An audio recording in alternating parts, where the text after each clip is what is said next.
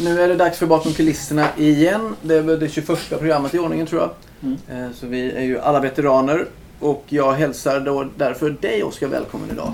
Tack så mycket. Eh, Första gången du är med här. Ja, precis. Mm. Spännande. Ja. Kul att ha dig här. Tack så mycket. Malou, välkommen. Du eh, har ju varit med nästan alla 21 stycken va? Ja, jag är veteran nu. Mm, precis. Tack. Du är jättevälkommen. Eh, och Roger tillbaka. Eh, du var ju med för några veckor sedan men annars har du ju stigit åt sidan lite. Eh, jag hade det ja. Mm, Mm, men jag är tillbaka. nu är du tillbaka. Härligt att ha dig tillbaka. Tack. Och Peter, också veteran. Som ju brukar komma in precis när vi börjar sända och fråga ja, vad pratar vi om idag då? Jättekul att ha dig här. Välkommen. Tack. Tony, ett litet tag som du var med också. Ja, Mm, en veteran som också kommer tillbaka. precis. Eh, jag har medvetet lite grann hållit mig borta för att ge plats till andra eftersom vi hade i det gamla huset begränsat antal som kunde vara med. precis. Som var en mindre lokal. Mm, Men eh, intresset är ju ändå kvar. Så mm. diskutera alltid roligt. Precis. Så du, ja, men du är hjärtligt välkommen tillbaka. Nu är vi också i en lite större lokal så att vi kan vara lite fler personer. Mm. Vilket ju känns skönt. Olof sitter Ja. upphöjd bredvid mig här. Jag tillhör överklassen. Så. Du tillhör överklassen här, precis. Du är verkligen veteran i fontänbubbelsammanhang. Och bakom kulisserna. Ja. Eh, diskussionsbenägen. Ja. Eh, så att du är hjärtligt välkommen. Jag är den ansiktslösa i det här sammanhanget. Den ansiktslösa. Fast verkligen inte den åsiktslösa. Så att det är väldigt kul. Sen har vi lite publik här ute så vi ser om de kanske bryter in sen. Om de vill säga någonting. Men vi, jag tänker så här. Eh, det vi pratade om här i måndags var ju lite, du Malou som lyfte. Jag tänka på det när du sa Tony att, att eh, du steg åt sidan lite och släpper fram andra. Förebilder, idoler. Eh, Oh, hur man eh, eh, förhåller sig till dem i livet och i, i, i som... Ja, det vi pratade om var lite så här barn förändras förhållande till idoler när man, när man växer upp. Liksom, var, varför har vi idoler? Vad är idoler? Vad är en förebild? Vad händer när en idol som man har plötsligt gör någonting som en inte diggar och inte längre är ens förebild? Jag det innan att den första idolerna är ju alltid mamma och pappa. Mm. Och det kommer att ändras för man märker att de är inte felfria som man trodde ju. Precis. Nej, man upptäcker någon gång att mamma och pappa är människor. Ja. Så det är inte så kul. För mamma och pappa i alla fall. det här med idoler och förebilder. Och du var inne på Tony, det här med föräldrar som då kanske de första förebilderna. Men eh, vad tänker ni om, det här med idoler? Varför, varför har vi idoler? Varför får vi idoler? Har ni någonting mer att fundera på? Så man behöver ju någon att, man behöver ju någon att se upp till, någon att identifiera sig med. Även om man är nöjd med sig själv så behöver man ofta någon att, någon att se upp, någon man identifierar sig med för att, eh, för att, att det ger en själv en nisch på något sätt. Mm. Man får väl en sporre av det när man är ung. Att ha någon att se upp till och försöka uppnå deras nivå. Mm. Men den försvinner väl sen när man blir äldre kan jag tänka. I alla fall hos mig. Mm. Jag har ju inte många idoler nu men Nej. Eller inte många, jag har inga. Jag har väl själv ingen sådär som, som jag tror att det går att efterlikna. Även, när- även, när, även när jag var så pass ung så att jag liksom så, så hade jag, väl- trodde jag väl aldrig att jag skulle kunna efterlikna någon annan. Liksom sådär. Men idol och förebild samma sak. Nej, jag tänkte Jag spela. Jag ska säker låta Peter komma in lite för du undrar det här. Men du ska tillbaka till det Malou. Jag undrar bara varför har jag aldrig haft några idoler? Varför har jag inga? Eh, Men däremot så har jag förebilder. Mm. Så folk jag ser upp till. Och kan, kan ha. Eh, fast oftast så har de jag ser upp till det har varit antingen personer i min egen ålder eller yngre som har varit väldigt karismatiska. Som jag, som jag känner, wow vilken karismatisk person. Så det är inte det, alltså det är inte, kanske inte direkt att jag ser upp till dem, men mer, mer liksom, men ändå att jag kan se att de, de är bättre än mig för att de är mer kreativa eller karismatiska. Sådär. Ja, för, men det är ju intressant. Jag tänker, det är lite som Malou tog upp det. Är det samma sak då? För det tänker du också Peter att det inte är idol och förebild eller? Nej, alltså jag tycker, jag, Idol, alltså då tänker jag på alltså så här musikartister eller skådespelare eller sånt där. Mm. Men det, jag har aldrig haft det. Utan, eh, det är kanske mig alla ser upp till istället. Såklart. Såklart. Nej, skämt åsido. Men eh, jag har alltid känt att, eh, att jag har varit lite annorlunda eftersom jag inte har några idoler. Mm. Man har känt sig lite utanför på något sätt. Ja, det finns en, en, en... Man ingår plötsligt i någonting när man har idoler. Ja.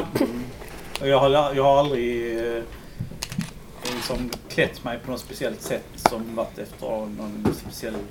Gott eller så. Va? Gott eller någonting sånt där. Punkare eller? Nej, ingenting sånt. Alltså, jag har bara sett kläder som funktionella. Alltså, det, det ska värma mig och skydda kroppen. Alltså, Mm. så att, eh, jag kanske inte är, jag kanske är icke-kulturell. Det tror jag inte. Eller jag vet inte. Jag bara tänker, Oscar, har, har du, är du också sån? Har du, har du inte haft några idoler? Jo, jag har definitivt haft idoler under liksom, tonåren och lite innan det kanske. Mm. Det som utmärkte mina idoler var väl att de var väldigt duktiga inom just det de höll på med. Liksom. Mm. Bara den saken gjorde att man såg upp till dem. Liksom. Mm. Så för dig var det lite så förebild och idol hängde ihop lite? Eller Ja, jag, jag tycker väl det kanske. Mm. Eh, Men jag har definitivt haft idoler. Särskilt inom sport. Mm. Vem var din största idol? Niklas Lidström när jag växte upp. Aha, ja, ja. Backen i Detroit Red Wings. Mm. Jag tänkte precis fråga om du var skidåkare, för jag tänkte på Frölunda. Jag kan bara vara skidåkare. Nej, inte så mycket. Mina fördomar. Men, men precis, du hade en massa idoler. Men förändrades det när du blev vuxen och blev äldre liksom? Ja, det... In, eller vikten av liksom att ha idoler kändes som att det inte var lika viktigt längre. Och Mm. eh, de tappade väl lite av sin stjärnglans som jag såg hos dem liksom. Mm. Efterhand kan man säga. Mm. Nu ser jag upp till lite andra personer, typ Elon Musk till exempel. Så, Ja, ja, okej. Mm. Nutidens Leonardo da Vinci lite grann. Eh, mångsysslare och är väldigt duktig i det han gör liksom. Mm. Tar sig för väldigt eh, svåra saker kan man säga. En arkitekt-entreprenör, Precis. verkligen, får man ju säga. Ja, så jag har väl andra idoler kan man säga. Men jag har fortfarande idoler. Mm. Jag tror jag fick en ny idol häromkvällen. Oj, Olsen. Blev min nya. Mm. Ja. vem är Målvakten. Målvakten. Jaha, du menar Robin Ja. Hood, Sveriges eh, lag. Jag såg matchen. Mm. Tyckte han var helt suverän. Men för 45 år sedan hade han kanske varit min förebild också för då sparkade jag själv fotboll. Ja, ja, Så okej. det hade nog varit det. Men nu är han bara min idol. Intressant då med Olsson, att, om man skämtar lite om det, det är intressant för att han var ju inte en, en eh, eh, skulle jag säga, en, en eh, hundraprocentig idol. Han var ju fantastisk i matchen. Mm. Han gjorde ju fasansfulla utsparkar. Alltså så här, det var väldigt, det är väldigt roligt. Så jag tänker, vad, vad grundar sig idolskapet på? Grundar det sig lite då i det Olof kände också då, att man eller, eller nej, kanske inte vad Olof säger, men det här att du tittar på en match och man är inne i det liksom och svenskheten och du hejar på Sverige kanske. Ja, det gjorde jag ju då. Mm. Mm. Jag bara tänker lite var, var, var, var sitter idolskapet? Hur skapas idoler tror du? I Men mitt fall så handlade det väl om beundran. Han gjorde något som jag tyckte... Han presterade helt fantastiskt. Han gjorde något som jag aldrig kunde drömma om att göra själv kanske. Men hade jag varit yngre och själv sparkat fotboll så hade jag kanske haft, det, haft honom som något mål också. Eller haft det, honom som en förebild att jag skulle bli som honom så småningom. Sen hade jag ju aldrig blivit det men... Det är någonting att sträva efter. Ja. Mm. Men det är väl lite som du var inne på Olof där, att man har ja, men strävan efter någonting. Men, och det är ju sport såklart, så här. man växer ju upp. Menar, men, men då musik, vad var det som sa det förut? Var någon, just att, att, att idoler kanske är kopplat till, precis, till artister eller saker. Så här. Vad är det då man... Då kanske inte är att man man vill upp, att man liksom ska bli bra, för det kan det ju vara, men jag tänker det kan ju vara någonting annat också. tänkte eh, den som skapade, eller förr var det i alla fall media som skapade idoler ju. Mm. Eftersom de skrev om det. Och tillgängligheten var inte så stor som den är idag ju. Mm. Idag kan man ju bli idol utan gå via media ju. Mm, ja, fast man går nog via någon slags media va? Ja, ja, i och för sig. Youtube är också en media ju. Mm. Men eh, det är på ett annat sätt i alla fall. För då var det ju tidning som skrev upp dem. Tänker då på sport igen då med Rio-Kalle. Gjorde en fantastisk match under VM. Mm. Som slog Italien med 2-1 eller 3-2 eller vad var. Det, 58 eller? vad? Eh, Nej, det var 50. Ja, okej. Mm. Och eh, matchen efter förlorade de med 7-0 med samma målvakt. Ja, ja. Jag, jag kan ju säga om jag får säga min, min, min version eller så som jag ser vad, vad som är idoler och inte så kan jag säga Även om jag kanske inte såg det så när jag var yngre så ser jag det väl så nu att man kan inte ha man kan, alltså det finns ju fortfarande personer jag beundrar inom deras område. Men jag skulle nog inte säga att jag har någon idag, någon idol eller förebild. För även om någon är bra på en sak är det inte säkert att de, har, att de är jättebra på något annat. Att de, de, kan, vara, de kan vara riktigt värdelösa inom vissa, inom vissa områden som jag finner lik. Medan, medan de kan vara, ha väldigt kloka synpunkter i andra. Så jag väljer liksom lite grann beroende på vilket område det är. Man kan gå från eh, att ha idoler till att, och förebilder till att vara en förebild. Och, jag, och det, det är intressant. Jag har ibland hört från vissa personer bara att jag, är- att jag är deras förebild. Mm. Ja. Ja, det låter ju fantastiskt. Mm. Jag tänkte på dig Roger. Bara, hur har du det med idolskapet och, och det vi de här bilderna? Jag har, haft, jag har haft två idoler i mitt... Eh, och det är musikidoler då. Eh, när jag var ung. Eller rättare sagt när jag var yngre. Först när jag var ung så hade jag Bruce Springsteen som idol. Därför att han gjorde sån impact på mig. Mm. Det var liksom som att man puff, få en snyting. Mm. Så här. Och Är det rent musikaliskt då eller också som... ja, jag gillade den här typiska, typiska, typiska grejen då med Born in, in the USA då.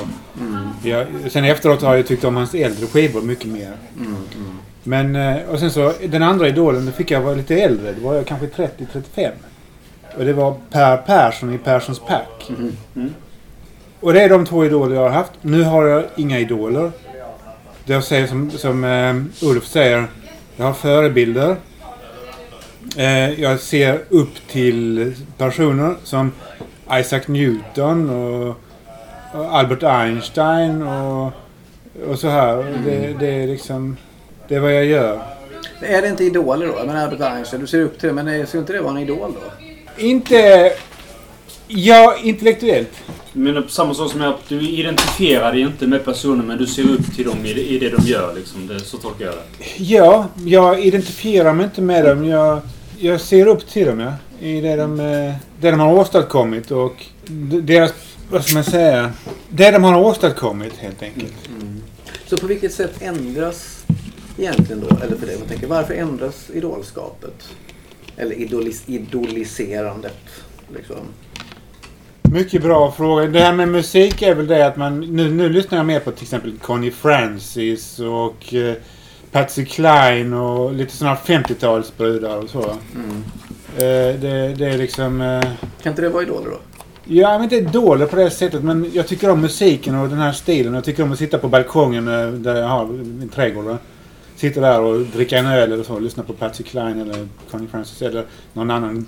Elvis Presley går också bra. Mm. Och eh, andra finns det. Men då är det liksom... eh, Det är liksom nu- höjden av... Nu så här på sommaren. Det är ju, det är ju höjden av... eh, Det är, det är mitt liv just nu. Det låter inte så dumt. Det låter rätt skönt. Ja, ja. Eh, Buster.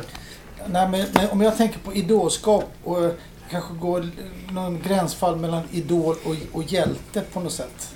Eh, och, det, det har väl ändrats för mig. Alltså från, från början, mina föräldrar var verkligen sådär eh, eh, åt höger där det var liksom att eh, eh, Amerika var bra, eh, Sovjet onda, cowboys är bra, indianer är onda. Mhm. Så, så jag levde upp med det. Huskvarna var bra. Och, nej, Huskvarna var dåligt. Och Bernina, de, de sålde hus, eh, eh, såna, eh, Ja, ja, alltså symaskiner. symaskiner. Så Bernina var jättebra. Så jag verkligen trodde det när jag var liten. Bernina är fantastiskt bra. Huskvarna är så jävla dåliga! Mm. Ja, alltså, men så, så mitt idolskap var verkligen så att jag, jag tyckte att en idol skulle vara, vara, vara bra i allt. Man, alltså man, en idol var fantastisk i allting. Liksom. Mm. Jag tänkte, förlåt om jag, förlåt, men jag tänkte på det. Jan Guillou brukar ju måla upp såna här i sin självbiografi så målar han upp ett idolporträtt av sig själv i den här eh, ondskan. Att han försöker framställa sig som en så supermänsklig person som är en superviktig person som räddar mänskligheten och frälser skolan. Och, eh, och där, men där är det ju samma. Där finns det... Eh, han i ena hålet här i Sverige, liksom, han, han målar upp en bild där det är, det är han är ledaren från arbetarklassen eller de som är de goda. Och så medan vi har till exempel i, i USA hade vi hon Ayn Rand, eh, objektivistiska så här super, superkapitalistisk filosof som hade sina böcker där hon utmålade alla entreprenörer som att de frälste världen och alla som var arbetslösa, de var lata bidragstagare. Nej, men det finns ju politiska idoler också såklart. Tänker jag. För Ayn Rand var ju verkligen, hon har ju lagt grunden för Ja. en stor del av det kapitalistiska libertarianska Ja. synsättet idag. Liksom, jag tänker Elon Musk kanske gillar Ayn Rand, vad vet jag. Kanske. Kanske. Sådär. Vad tänker du Oskar då med... Förlåt, eller var du klar Buster? Olof hoppar Eh, in. nej, egentligen inte. Nej. men, eh, nej, men det jag ville komma till det var att eh, eh, sen så ju äldre jag blev så ut, utvecklades mer, det, det blev annorlunda. Alltså min idol, jag blev mer fascinerad av antihjältar. Mm. Så för mig så är nästan en hjälte i idolen, det känns, känns på något sätt negativt. För det, för det finns ingen som är så. För jag, är så jag är fascinerad av att en människa kan ha två sidor. Man kan vara otroligt bra på en sida. Jag menar Al Capone, han var kanske fantastisk med sin familj och sina barn där. Och sen så gick han och sköt på, på arbetstid liksom. Mm. ihjäl X antal. Eh, nej men eh, antihjältar, alltså, så typ som Dirty Harry eller ehm, Ja, och vad heter han som, som spelade han? Eh, eh, Clint Eastwood. Clint- Clint Eastwood. Och när han var, eh, eh, när han var eh, cowboy, vad hette han då? Man fick, han hade nog nästan aldrig några namn. va? nej, precis. Tror jag. Ja. Men, men det är ju intressant där, för vi pratade lite om det i veckan också. Men antihjälte, vad är en antihjälte då liksom sådär egentligen? Egentligen är jag... Terminator är väl en Är antihjälte. Terminator en antihjälte? Robot. Terminator i Arnold Ja, jag vet Schwarzenegger. inte. Vad, vad, vad skulle ni säga Peter, vad skulle du säga en antihjälte är? Alltså, eh, Mr Bean är en antihjälte. Mm. Alltså, en, det, det är skillnad på en skurk och en antihjälte. Alltså, Mm. en antihjälte är inte en skurk. Utan en antihjälte, det är, han, han har goda avsikter, men han sabbar det hela tiden. Mm. Han, han, han, gör, han, han, han är, har en sån karaktär så att han, han gör fel bara, men han menar gott. Ja, det är väl en Det typ är av väl en aspekt, om jag får komma kanske. in där igen. Jag vet att jag har väldigt åsikter, men det här är... Det, det här är ett ämne som jag tycker mig ha, ha vissa kunskaper i. Eh, också. Eh, Men eh, när det gäller antihjältar så finns det ju en aspekt också. Det finns, det finns ju de som bara handlar av egoistiska skäl men i slutändan räddar, räddar, eh, men i slutändan räddar dagen. Mm. Så här, det finns till exempel, exempel på South Park när Eric Cartman räddar dagen. Liksom, så. Mm. Blackadder är väl också en typisk antihjälte. Svarta Ja, det var länge sedan jag såg den. Men... Men han, han var väl en typisk antihjälte på alla sätt och vis. Blackadder, Svarta Orm. Alltså det var Rowan Atkinson också som Ja, spelade den. ja. Ja, det är intressant. Vad tänker du Malou det här med antihjältar? Så kan man ha en antihjälte som förebild? Om man nu tänker att det som vi försöker definiera här liksom. Det kan man nog, men jag tror inte att jag själv har det särskilt ofta. För det är ju någon som misslyckas med allt och det är inte så kul att misslyckas. Det finns de som lyckas. Inspektor är- Clouseau. Ja, Ja, lyckas jo, i jo. slutet. Ja, och det gör ju även, tänker jag, vad heter, vad heter han nu, Ron Atkinsons agent? Eh, Johnny English. Johnny English till exempel, sådär. Som ju ställer till det, men i Han som i alla, i alla början, alla bör, det finns tre filmer om honom och alla filmer börjar med att han råkar ha död på sin egen, eh, Styrka. på sin egen styrka genom, eh, genom, att, genom att testa någon så här. Ja, man behöver inte gå in på detaljer men i alla fall. Och han är den enda överlevande. som Nej, det finns många väldigt roliga scener om det. Ja, och, Men jag är tillbaka bara tänker till det här med antihjälte och förebild. För, för det finns väl också antihjältar den här biten där det kanske är en skurk eller någon som inte är så snäll eller någon, men vars handlingar det blir komplext men handlingarna leder fram till någonting. Det är väl det att en, en hjälte, det är ju någon som är god. Du har Läderlappen, Stålmannen, goda människor eller varelser. eh, Som, eh, som har bara goda, goda ambitioner att hjälpa mänskligheten och så. Medan Mm. antihjälten kan göra bra saker men han gör det utifrån ett eget perspektiv. Mm. Förstår du vad jag menar? Mm. Ja, ja, precis. Men, men det är ju intressant. Alltså, eh, mycket av de här eh, Batman och Stålman och sånt, i de här slut, i battlarna, så raserar de ju ibland halva byn. Liksom. Det, men det som jag tänkt på, det måste vara jättemånga oskyldiga som, som dör där. Mm. Eh, och, och då, For the då är greater good. Det är ju inte så bra. Det finns ju olika nivåer av olika... Det finns en skala baserat på an, när det gäller antihjältar, vilken grad av antihjälte man är. Det finns de som är den, den, den minst sympatiska sortens antihjältar. De som är eh, hjältar i namn bara. Alltså att de är... De är, de har, de är inga... de- heter bara att de är hjältar av, nå av något skäl för att de hade någon status av det eller, eller av några olika saker. Men att, men att de egentligen inte är några... Alla Men- deras mot... Nej precis, jag tänker, förlåt Olof, jag tänker in bara att det finns ju olika typer av antihjältar. Men jag tycker den är intressant utifrån diskussionen om förebilder så som du sa Malou att nej men man kan nog ha antihjältar som förebilder. Jag skulle inte ha det eh, av den här och den här anledningen. Men vad, vad, vad, för jag tänker lite, är det, eh, antihjältar är väl just, skulle de spegla vår komplexitet liksom som människor? Det är ju, precis som du sa Buster, men man är ju inte, det är ju inte svartvitt. Liksom, inser man ju när man växer upp. Sådär. Elon Musk är ju, man kan ha honom som förebild, men jag menar, han gör ju en massa idiotiska saker. Mm, och han gör en jävla massa spännande saker. Eh, sådär. Medan hjältar som vi växer upp med som barn, där är det ju väl så att det här är, Stålmannen är ju så absolut den tråkigaste superhjälten av alla säger jag. För det är ju bara, det är, han är ju alltid bara så jädra bra. liksom. Men jag, men jag tror att filmindustrin och samhället har, har utvecklats. Att, att just det har blivit, eh, i alla fall i filmindustrin, att, att, att, att måla upp en, en hjälte som en hjälthjälte blir negativt. Eh, eh, alltså, eh, pu- publiken köper inte det. De, de vill ha en lite mer komplex hjälte. Är det verkligen så alltså? Jag tror det också. Ja, jag tycker det. Men, Men- som James Bond-filmer, Ja. det köper ju folk. Det går ju hem. Ja. Och det är väl verkligen super, super, superhjälten. Han är ju Ja, inte, han är inte nej, genomsnitt, det- han, är- han är inte, han har ju, alltså landets bästa då det är alltså, han är ju spion för England då. Ja. Ja. det, han, han betyder inte att han är god, utan det betyder ju bara att han, han Ja, har men ett han är väl intresse. en manlig eh, en dröm liksom. Sådär. Han får liksom åka runt, vara skittuff, snygg, Men, ligga med alla tjejer. grejen med, med James Bond är ju att det är underhållning. Mm. Eh, jag såg den senaste James Bond-filmen på bio. Och två dagar senare så kunde jag inte berätta vad den handlade om. Mm. För den underhöll mig för stunden. Mm. Men den eh, sätter inga spår. USA måste alltid ha en hjälte Mm. i sina filmer. Skurken får oftast inte stå till svars utan han skjuts ihjäl våldsamt. Därför föredrar jag personligen europeiska filmer. Mm. För där har man lagt ner lite på manus och eh, det behöver inte skjutas och exploderas hela tiden. Mm. Jag tror Bust, kommentarer sen Peter och Olof. Nej, jag vill bara svara på det här med, med, med Roger, eller inte med Roger, men med, med James Bond. Det är ganska intressant. För att där kan man ju verkligen se hur James Bond utvecklas med tiden och de olika aktörerna som har varit som Roger Moore och Sean Connery och vad de nu heter. Roger, eller Roger Moore, han var ju mer lite eh, lättsam och komisk. Medan Sean Connery var, var faktiskt lite mer allvarlig.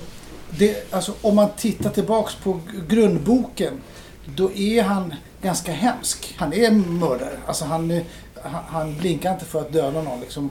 Så att han har ju blivit snällare med Roger Moore. Men sen så för några år sedan när han den här... Han, vad heter han? Chris som- Brosnan. Nej, han Daniel efter, Craig. Där Craig. försökte de närma sig... Så hans roll är, försökte de närma sig boken. Han är lite mer rå och... eh, Eller sådär. Och det är ju intressant. Så, så, de är ju olika... Alltså de är ju, det är ju samma roll eh, av, och en typ av idol. Fast de har helt olika egenskaper. Så, Mm. och, och, I tiden att det passar liksom i... De har väl försökt, det rimmar väl lite med vad du sa innan. Att man, de har väl försökt komplicera karaktären lite Ja. i senare filmer. Men det är, får man säga, ganska Ja, lite. Utifrån, för det är ju underhållning. Ja, men det, Eh. Men absolut. Det, men ursprungs-James Bond ska inte vara rolig. mm. Och är, det, är det någon som har läst? Mm, jag har läst. Nej, inte. Fast han är inte så jättehemsk heller. Det är Det också, inte under, det är också underhållning. Okej, ja. Skulle jag säga. Det är bara det som dödar folk. Det inte Ja, vi älskar ju underhållningsvåld och sådär. Det tittar ju vi på dagligen liksom. På något vis. Sådär. Men hörni, så här med förebilder. Vi var inne på det med att... Det var någon som skulle säga något. Nej just det, nej, det var du Olof faktiskt. Förlåt mig. Det var någon annan före. Nej det var inte så för Peter räckte upp handen trodde jag. Men det gjorde han inte. Så att bara sträckte på sig. Gör inte det. Nej men innan, innan vi lämnar det här spåret kan jag säga att det är ju liksom... eh, Det, det ligger ju någonting i vad de säger här för man brukar inte... Många brukar inte gilla det. Brukar tas väldigt negativt det här Mary Sue-konceptet. Det är ju liksom när man skrev eh, kvinnliga superhjältar för att... Bara för att eh, man ville... När, när det handlade om hur... Och då, och då när man skrev om, det, det, under ett process, ett begrepp som myntades när man skapade kvinnliga superhjältar. Och då var det mycket att man tyckte inte att de behövde så mycket karaktär eller någonting. De behövde bara vara ofelbara kvinnor liksom så här sexiga och snygga och gör sin sak och, och, inte, och behöver inte så mycket personlighet, inga brister eller någonting. De bara liksom gör. Och, och där och, där, och, det är säkert, och det finns ju säkert manliga motsvarigheter också, men det visar ändå tycker jag att det finns, eftersom det finns en sån det finns ett så skällsord om så negativt laddat begrepp så visar det ändå att folk är ganska trötta på den här eh, endimensionella hjälten. Mm, kanske. Men vi hamnar ju hela tiden, en halvtimme nu, då är det ju sport, musik och film. Mm. Man hamnar alltid där. Jag, jag tänkte inte prata idag men jag kom på eh, när vi var tonåringar så hade vi alltid fotbollsidoler. Den som var bäst i världen för stunden. Och på 70-talet så fanns det en holländsk fotbollsspelare som heter Johan Cruyff. Kan vara bäst alltså. Och så blev det VM 1978 och Holland var kvalificerade och det skulle gå i Argentina och eh, han tackade nej till landslaget. Han var fortfarande världens bästa fotbollsspelare men han eh, och alla tyckte eh, vad det är för en diva. Men så nu, eh, han dog ju alldeles för tidigt. Han rökte ju som bortbindare och dog i lungcancer. Men så, har det kom, så kom det ju fram när jag läste att anledningen till att han inte ställde upp var för att VM gick i Argentina som då var en fascistdiktatur. Mm. Och hans, han diskuterade med sin mor som var socialist och till beslutet att eh, jag vill inte ställa upp på Mm. något spektakel här. Och då blev han, eh, alltså då var jag ganska vuxen, över 40. Men då blev han eh, min idol på riktigt. Han, Mm. han, han höjdes till skyarna. Mm. Alltså, han hade, från början var han, när jag var lite, gjorde han grejer på en fotbollsplan som jag inte kunde. Hur, hur mycket han tränade så skulle jag aldrig kunna bli så bra som honom. Det var det idolskapet då. Mm. Men sen så växte han ju som människa också. Mm. En stor humanist. Mm. Så eh, Ja, för det där är ju intressant vad som är eh, mänskligheten bakom våra idoler. Eller icke-mänskligheten. Kanske också, tänker vad, vad, utifrån förebilder. Lite nyfiken för du Oskar just här, men du hade vissa idoler som barn. Så Mm. får man andra idoler. Det kan ha med intressen och allting att göra. Mm. Men vad händer med, liksom, finns det en desillusion också i... Nu blir det till exempel, Göran hade ju tvärtom exemplet här där en idol växte. Liksom. Men vad händer med de här idolerna som man har som sen visar sig, oj jädrar var en våldtäktsman. Eller en pedofil eller... Menar, hur många hade Gary Glitter som idol säkert på 70-talet liksom, bland barn och sen visade det sig att han, han var pedofil. Alltså så här, vad händer med, kan man ha den typen av idoler då? Redan när jag tittar på en person första gången så ser jag, jag, jag kan, om det är en person som är väldigt duktig inom ett område, så tänker jag direkt, ja men han är inte så duktig inom, eh, inom det här andra området. Och så drar jag ner honom direkt. Så att, eh, det gör, gör att jag aldrig, aldrig får någon idol för att jag ser alltid den negativa sidan direkt. Mm. Som Elon, Musk, alltså han kan, jag, jag, jag tycker att han, han, han verkar ju fantastisk på vissa sätt. Samtidigt så röker han cannabis och han eh, verkar vara lite eh, autistisk. Så att, eh, Men autistisk är väl, det kan man väl vara? Eller? Är det någon Ja, negativ? men- Är det någon flaw? i, alltså, just när det gäller Elon Musk så har jag tyckt att det var lite flå liksom. Mm. Men in- inte för att det... Men det är intressant för då kan du, för dig då blir det, du målar upp då den här det bra och det dåliga och när det finns dåligt också kan det inte vara en idol. Vad säger ni andra om det? Kan man ha en idol som man sen får veta någonting om eller som man ser en lite så här sämre mänsklig sida av? Ja, vad tror du Oskar? Jag tror, alltså idolskap liksom över tid eh, tror jag lite vattnas ut ju mer vuxen och mogen man blir och inser att alla är mänskliga och alla har fel och alla Mm. har brister och liksom sådär. Så Och då kan man inte ha idoler eller? kan kan man men det blir nog svårare att liksom ha en idol på det sättet som man hade när man var ung liksom, tror Mm, jag. för att man vill ha dem som ikoner som är ofelbara. Precis, Liksom. precis. Men det märker man efterhand att så, det, ingen finns ju som är så. Mm. Liksom. Mm. så ja. Vad tänker du Roger? Jag tänker som så att om man är på 70-talet och tyckte om Gary Glitter. Då är något fel i huvudet på en. Om man gillar honom på 70-talet? Ja. Ja men, men du tänker att det var fel för att man, musiken var kass eller då? Nej, för att han är en pedofil. Jo men det visste man ju inte då. Då tänker man, tänker man inte borde fattat det ändå. Och då ska man bo- borde ha fattat. Ska man kunna läsa, står det ju skylt i pannan på folk. Hej, jag är pedofil. Ja, När kom det fram att han var pedofil? det vet jag inte. 2000-talet tror jag. Eller om det var slutet av 90-talet. Det var ju en hel harva med BBC-folk som kom, upptäcktes då. Eller, Mm, ja, ja, precis. Han var ju inte ensam. många visste ju om det så det var ju en Mm. tysthetskultur också. Ja, ja. Absolut. Nej, men jag tycker att det är spännande. För jag tänker, vi lever ju också i en tid där man ibland kan uppleva att det är ett, alltså, Eh, Ni vet, har pratat om det innan, cancel culture, politisk korrekthet. Så det, vad händer med våra idoler då? För precis som du är inne på Oskar, så det är ju svårt. Alla är ju människor liksom. Och sen plötsligt säger man fel sak. Och ah, ut med den personen. Den kan inte vara med längre liksom. Så Eh, blev det ju med Beatles. Ja, det där Ja, blev populärare än, än Jesus sa de ju. Sen så var det ju slut med karriären. Och det var ändå sarkastiskt. Nästan. Det var ju inte karriären. De var ju ganska... Idag är det däremot så att man kan bli, man blir bannad från, eh, från sina olika sociala medier-grejer. Liksom. Och Paolo Roberto. så TV4 så här, du får inte vara med. Och, Paolo Roberto var väl eh, han som sa att han hade varit hos en prostituerad. Sen var han ute. Så. Alla var på samma linje liksom. ja, och frågan är ju, det jag tänker lite så här, är väl bara, sen handlar väl det också om vad man sen gör Förhoppningsvis efteråt också, om man nu blir anklagad för någonting, om man kan bära upp det eller inte. Liksom så här. Men vi lever ändå i en tid, tänker jag, där idolskap kanske är svårt. Eller? Förstår du vad jag menar? Vad tänker, förstår du vad jag menar, Malou? Mm. Kan man ha en idol då som är en jävla rutten person liksom? Det beror väl lite på vad anledningen till varför man har gjort den här personen till sin idol. Mm. Men många gånger så har man väl på något sätt bestämt sig för att älska hela den här personen som man har gjort till idol. Mm. Men så finns det kanske andra, om vi säger en, en, någon duktig musiker till exempel, som blir älskad just för att han är en duktig musiker. Och då kanske det går att fortsätta tycka om honom ändå. Mm. Ja, jag vet inte riktigt. Jag skulle nog inte fortsätta gilla någon som, där det kröp fram att han var pedofil till exempel. Mm. Det tror jag inte, eller gjort sig skyldig till en massa fula grejer mot barn eller något. Mm. Nej, det känns ju som att det är rätt svårt. Så det är- man, sen kan man absolut dela på så här, konst och, och, och person, liksom, artist. eh, Så här. Men ibland är det svårt också utifrån ens egna värderingar. Liksom. Jag kommer ihåg där gick en serie som heter Fattiga och rika. Mm. En väldigt bra serie med Nick Nolte. Nick Nolte och Ja, ja. Peter Strauss som var bröder.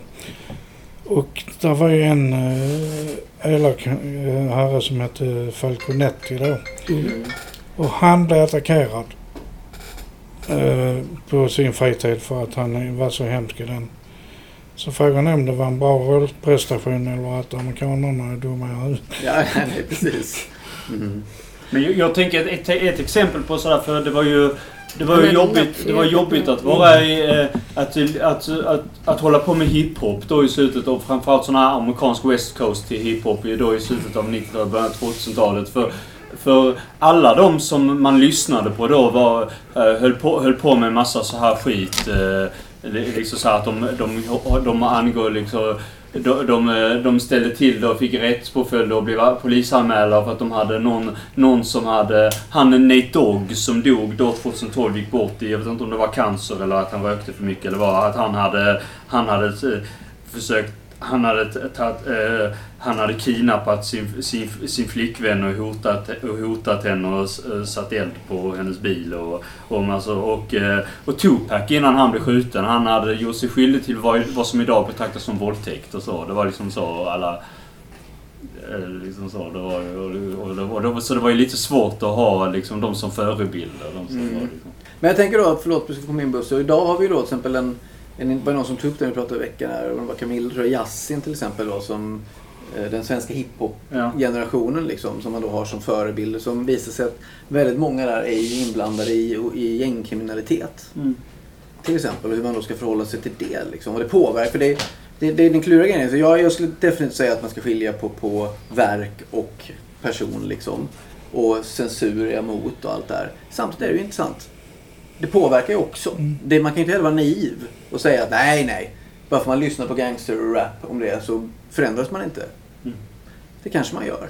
Alltså någonstans påverkas vi ju av det som vi har runt oss. Alltså det är inte säkert att man blir kriminell men man kan, Nej, nej. det kan ändå ändra ens attityd. Alltså att man kan gå i en försvarsställning i olika... Att man, Mm. att man hittar... Att det, blir, det blir ungefär som en ideologisk blockering.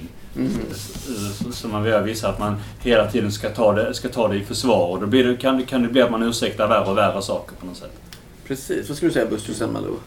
Nej, men det- det här med om man är förlåtande mot sina idoler kanske. Ja, men jag tror att det känns nästan mer som samma känslor som man har i sin familj. Som eh, föräldrar eller syskon. Eh, eh, om de gör fel så kan man till viss gräns förlåta för man älskar dem ändå. Men sen när det väl kommer till viss gräns, alltså som pedofil och när det börjar bli kraftigt eller om de mördar varandra. Och så, då, då, då plötsligt måste man ta en ställning. Eller så känner väl jag kanske. Eller, Mm. så, så skulle jag nog tänkt. Mm. Och så var en annan sak jag tänkte på. Eh, det, var- det var mer en fråga kanske. Jag menar det här med idolskap. Finns det någon sammanlänkning med det med religion? Jag menar, eh, det, kan det vara ett, liksom ett sätt att hitta någon som man vill identifiera sig med? Och, eller, alltså det, det är ju det är ganska nära liksom en, gudatro Mm. eh, tro på något sätt. Eller, Ja, ja, man har ju, det är Ja. klart, jag tänker hela ikon, ikonografin liksom, Ja. alla ikoner, idoler. Det finns väl absolut en, en koppling till speglingen som Olof börjar med, till någonting bättre. ja. Till någonting att sträva efter, till någon förebild liksom. Men jag tror inte att man kan jämföra det med guds, gudaskap. Eh, Det tror jag inte. Nej, men jag tänkte kanske på ikonografin liksom. Det är inte gudar. Ja, men är inte riktigt. Jesus en idol? Nej. För de som är troende många gånger, eller Nej, Mohammed eller vad det nu kan vara, eller Ja, Buddha. Är de inte någon form av idol eller? Mohammed vet jag ingenting om. Men eh, Jesus, nej han är ingen idol. Men han är han en förebild definitivt. 100 procent. Fast jag skulle sagt en sak innan om Mm. Och det var att, som det här, du, om det kan vara farligt att ha en sån som Yasin som idol. Mm. Ja, det tror jag. Om det är idol, och då har vi det igen. Eller nej, kanske inte om det är idol bara. Men då är det ju den här skillnaden mellan idol och förebild. Mm. Om det är en förebild så vi försöker man kanske efterlikna den här personen även när det gäller det här kriminella. Och då tror jag det kan vara farligt. Ja. Men är det så att det gäller musiken och bara musiken så tror jag inte det. Nej. Ja, ja. Ja, nej, nej, jag hänger med på det. Det är väl en klok eh, eh, perspektiv på det som absolut. Sen kan, tänker jag att den gränsen kan, kan kanske vara lite tunn ibland. Det är svårt så där, att dra gränsen mellan ett idolskap och, och, och en förebild. Framförallt om man är ung. Sådär. Jag, jag tänkte på en sak som jag hade lite problem med när jag var sjuk. Det var när... Alltså, när, även om jag såg den komiska, jag vet det var när Snoop Dogg hade skapat en sån här porrfilm som hette Snoop Doggs Doggy Style. Och det kan man ju tycka att, ja men det är väl ingenting med det. Alltså det är det är ju inte värre än vad han sjunger om i sina låtar och så. Det kan man ju tycka. Men någonstans hoppades jag ändå att om man, om man hade kunnat bortse från det här, då blir det ju liksom svårare att avfärda texten som ironi. Eller att det bara är ironi i texten. Liksom. Det är nog inte så mycket ironi med Snoop Dogg, det tror jag inte. Jag såg, jag såg honom på Roskilde när, när filmen inledde hela... Ja. Så här, det, var, alltså det var ju så himla, det var ju, så, det var ju väldigt snällt. Ja. Men det var ju bara så dumt. Ja. Liksom, får man ju säga. Jag gillade Snoop Dogg lite grann. Absolut. Nej, det var ju svinbra. Men det här är intressant med idol. Jag tänker vi, vi fick ett exempel på, men det kanske inte Marcus Berg är en idol på det sättet då i svenska landslaget. Du pratade ju om Robin, Robin Olsen. Sådär, så du fick en ny idol. Eh, och sen spelade Sverige mot Spanien. Och så, ja, men just där, den tunna gränsen så här, när man hejar på sitt lag. Och sen missar Marcus Berg fullständigt öppet mål. Och fick utstå så mycket hat. Hans familj och barn blev hotade och hatade på nätet och allt det här. Vad är det som händer med oss liksom? I de här... När man ena sekunden bara känner så... Jag tänker, är det som en relation? Är det som kärlek och hat? Liksom? Att det ligger så nära varandra? Det kanske inte är sunt att ha en sån idol där man, Nej. där man blir liksom så... Reagerar på det sättet när de, inte gör som man förväntar sig eller, eller klarar av det de ska ty, ty, lyckas med enligt ens egen fantasier. Så här, va? Mm. Och då, då är det nog, får man nog ta en funderare på vem man är och var man, var man är på väg och så här. Om man nu, om man nu reagerar på det sättet. Mm. Det tror jag nog man får göra. Annars, men om man inte gör det, för då, jag tror inte att de inser det själva. Men det, men det är vad man bör göra. Mm. Mm. Ja, men jag tyckte det var sunt det som du sa. För du, du sa ju så här, att, att det kanske kan kännas som en, en, en utveckling i sin personlighet. Att först från början så klamrar man sig fast vid idoler, lärare och så här, tills man liksom hittar en egen identitet och sen, sen börjar man liksom släppa bort det där. Och, och, och, så där. Och, då, och, då, och då kommer ju som du säger Roger att det är en liten hint om att eh, man kanske inte riktigt har utvecklats eh, tillräckligt eh, för att man eh, kränger, jag menar om man är, om man är 40 eller 50 och har en, en idol i blindo kanske att, att det känns, eh, eller jag vet inte, det kan man ju ha men eh, eh, det Att vuxenskap och mognad tar bort Ja, men idoler på något lite. ja, att man, man efter ett tag man, man kanske inte känner ett så stort behov av att ha en idol. Eller man. Men jag kan bara säga jag Mm. kanske. Men eh, det, det kan ju... Nej, så kan vi. Jag tänkte ställa frågan om man, om man... Men är det inte viktigt att ha idoler? Vi har Peter, Tony och sen Malou.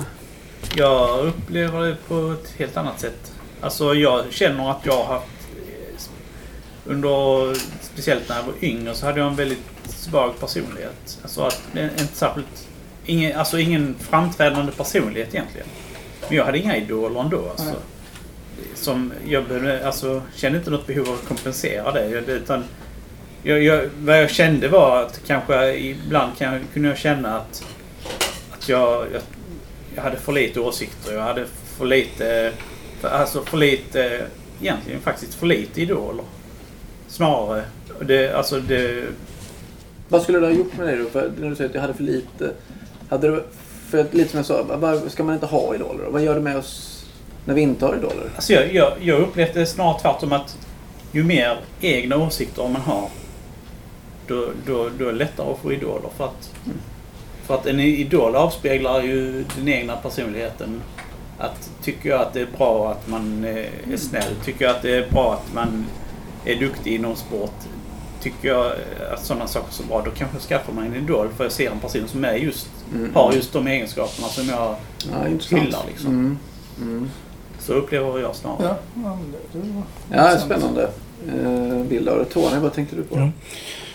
Ja, alltså jag tänkte lite som Peter var inne på, så när jag, jag var ung, jag hade inte mycket idoler och sånt. Men man beundrar ju vissa för deras prestationer. Och eftersom jag alltid varit sportintresserad var det mycket sport. Men även musik. Jag var i musikbranschen också. Mm. Så där var ju många jag tyckte var bra och tyckte var duktiga. Mm. Men jag har svårt för att sätta upp dem på idol- idolstatus när jag inte känner dem. Ta paus lite. Nej, kan... Jag ska bjuda er så ni kan ta lite. Ah, vi får bullar till den kära Varsågod. publiken. Här kommer Lena Bullar Susanna! Men Det eh, sen, sen så när man då eh, blir äldre så är det ju som Oskar var inne på att det liksom fejdar bort.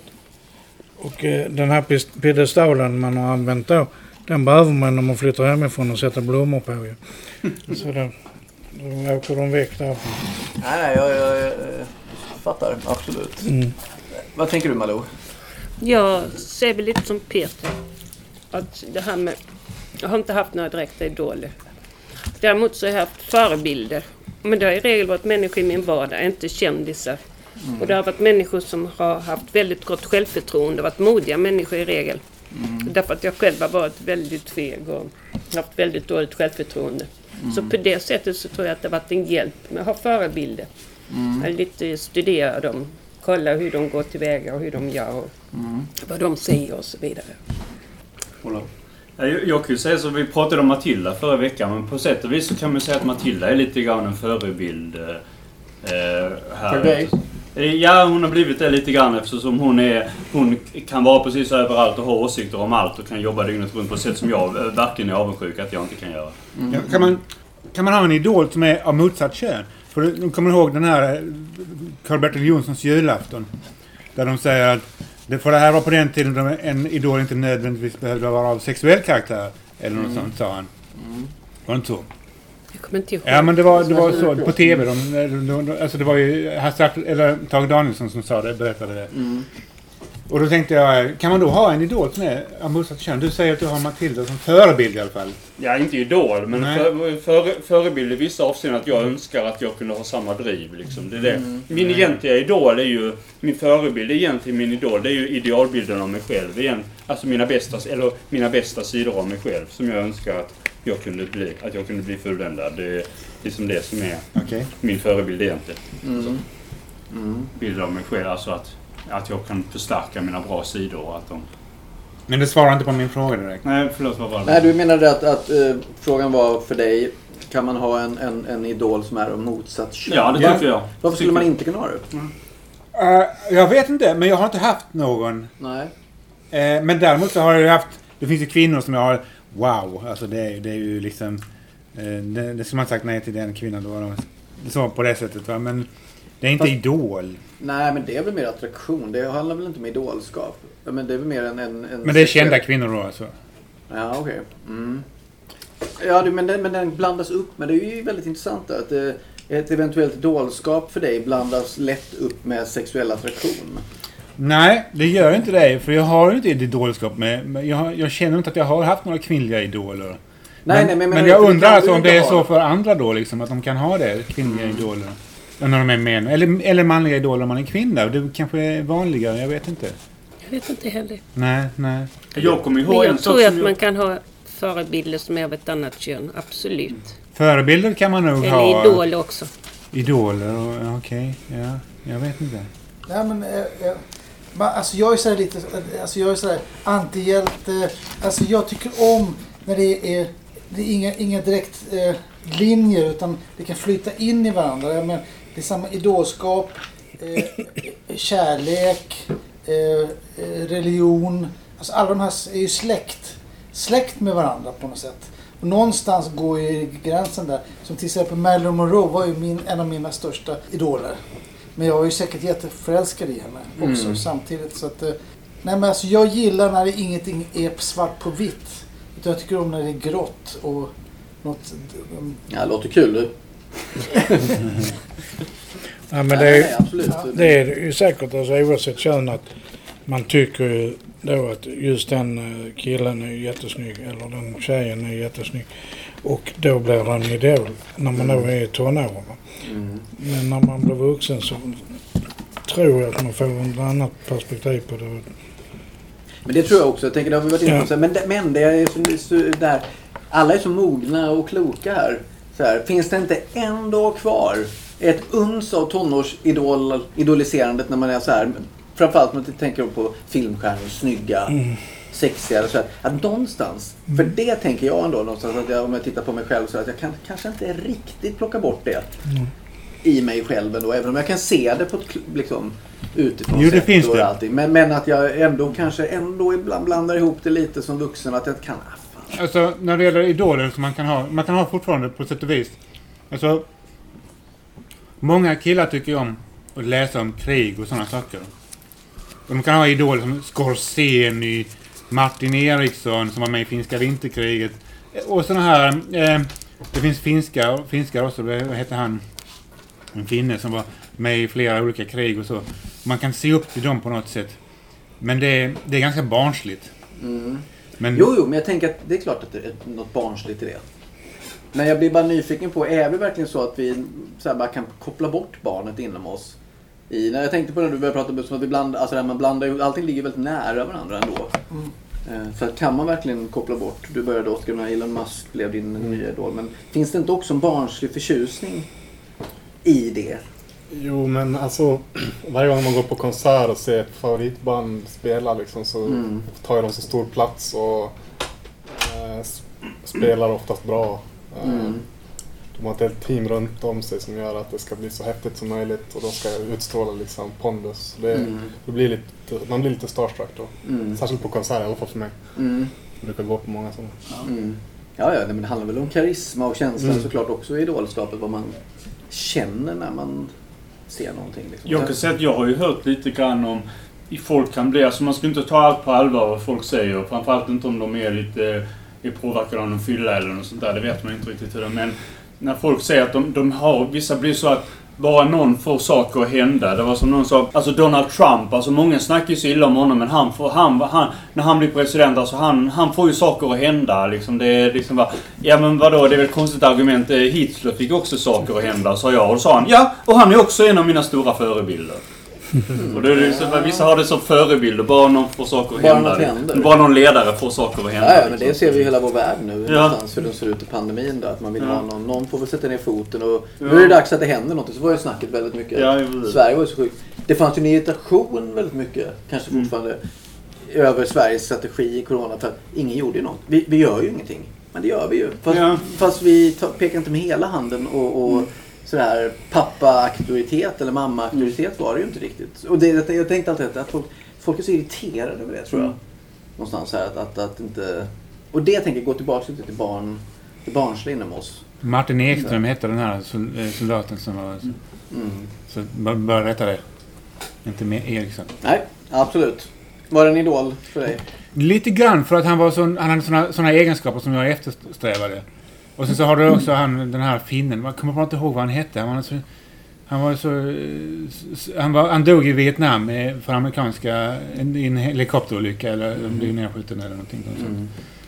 Eh, jag kommer inte ihåg vad han heter. Nej, inte. Vi ska, vi ska börja runda av lite. Jag tänker Buster och Peter kanske hade lite, och Malou hade lite olika tankar. Ja, du pekade lite. Nej men alltså jag kan säga så att jag sa, alltså just den här saken som du säger. Alltså jag, jag, jag, jag saknar, jag skulle, vilja, jag skulle vilja ha en idol. Mm. Jag skulle vilja ha det där tillbaks på något sätt. Mm. Så jag har inte heller aldrig riktigt haft det heller. Eh, jag, jag, jag, jag skulle, skulle vilja ha det. Mm. Vad skulle det ge dig då tror du?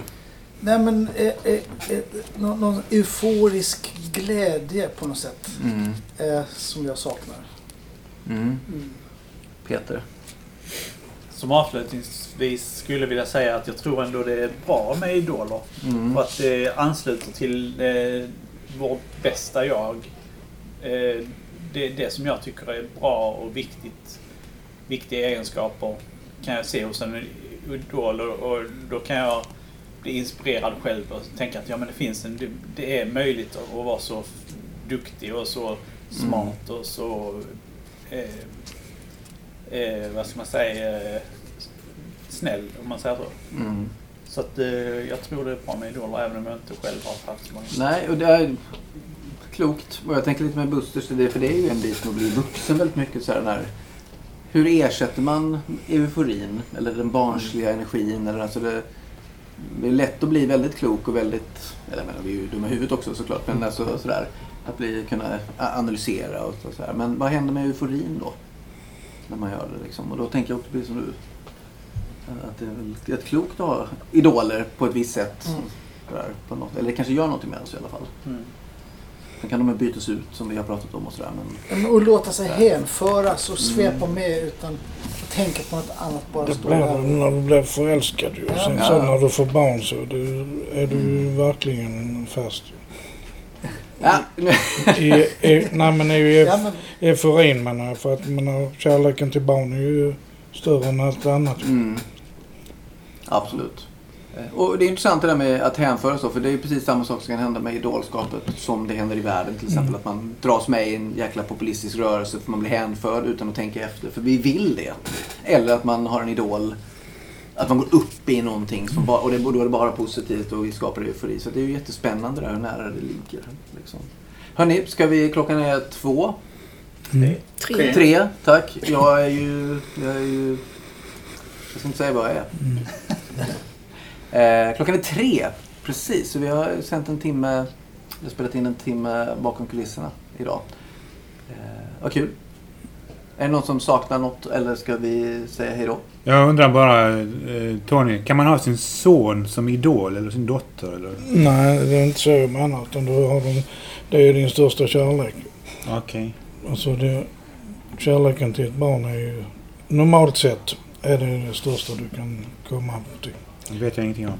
Nej, Men det jag. borde man väl kunna ha tre. sin son Mm. eller dotter som idol ändå. Alltså, Ja, tveksam till det. Det beror på i vilken, vilket skede, ja, vilket skede man själv är. Om man är Det är ju jätteintressant. Vi kommer inte in på det här. Men eh, Peter, du får avsluta. Vi måste avsluta här nu. Jag tror eh, att eh, det ändå är som Malou säger att man kan ha sin Mm. dotter och son som idol. Om till exempel om, om det barnet är mycket mer framgångsrik än man själv var i den åldern. Mm. Alltså kanske, ja, så då, då, tror- då tror jag faktiskt Jag tror det är mer stolthet än, än idolskap. Ja, med stolthet. Ja, eller, ja något, Mm. någon blandning kanske. Men vi- kanske inte direkt idol. Det här är spännande. Vi är inne på en eh, ny diskussion här som vi kan prata vidare och skilja med stolt Stolthet och fördom. och, och vara. Ja. Hörni, vi, vi tackar för oss idag. Mm. Eh, tack för att ni kom. Tack själv. Vi hörs och syns nästa vecka. Eller vi syns ju innan det, men... Ja. Hej då! Hej hej. Hej hej! Nej.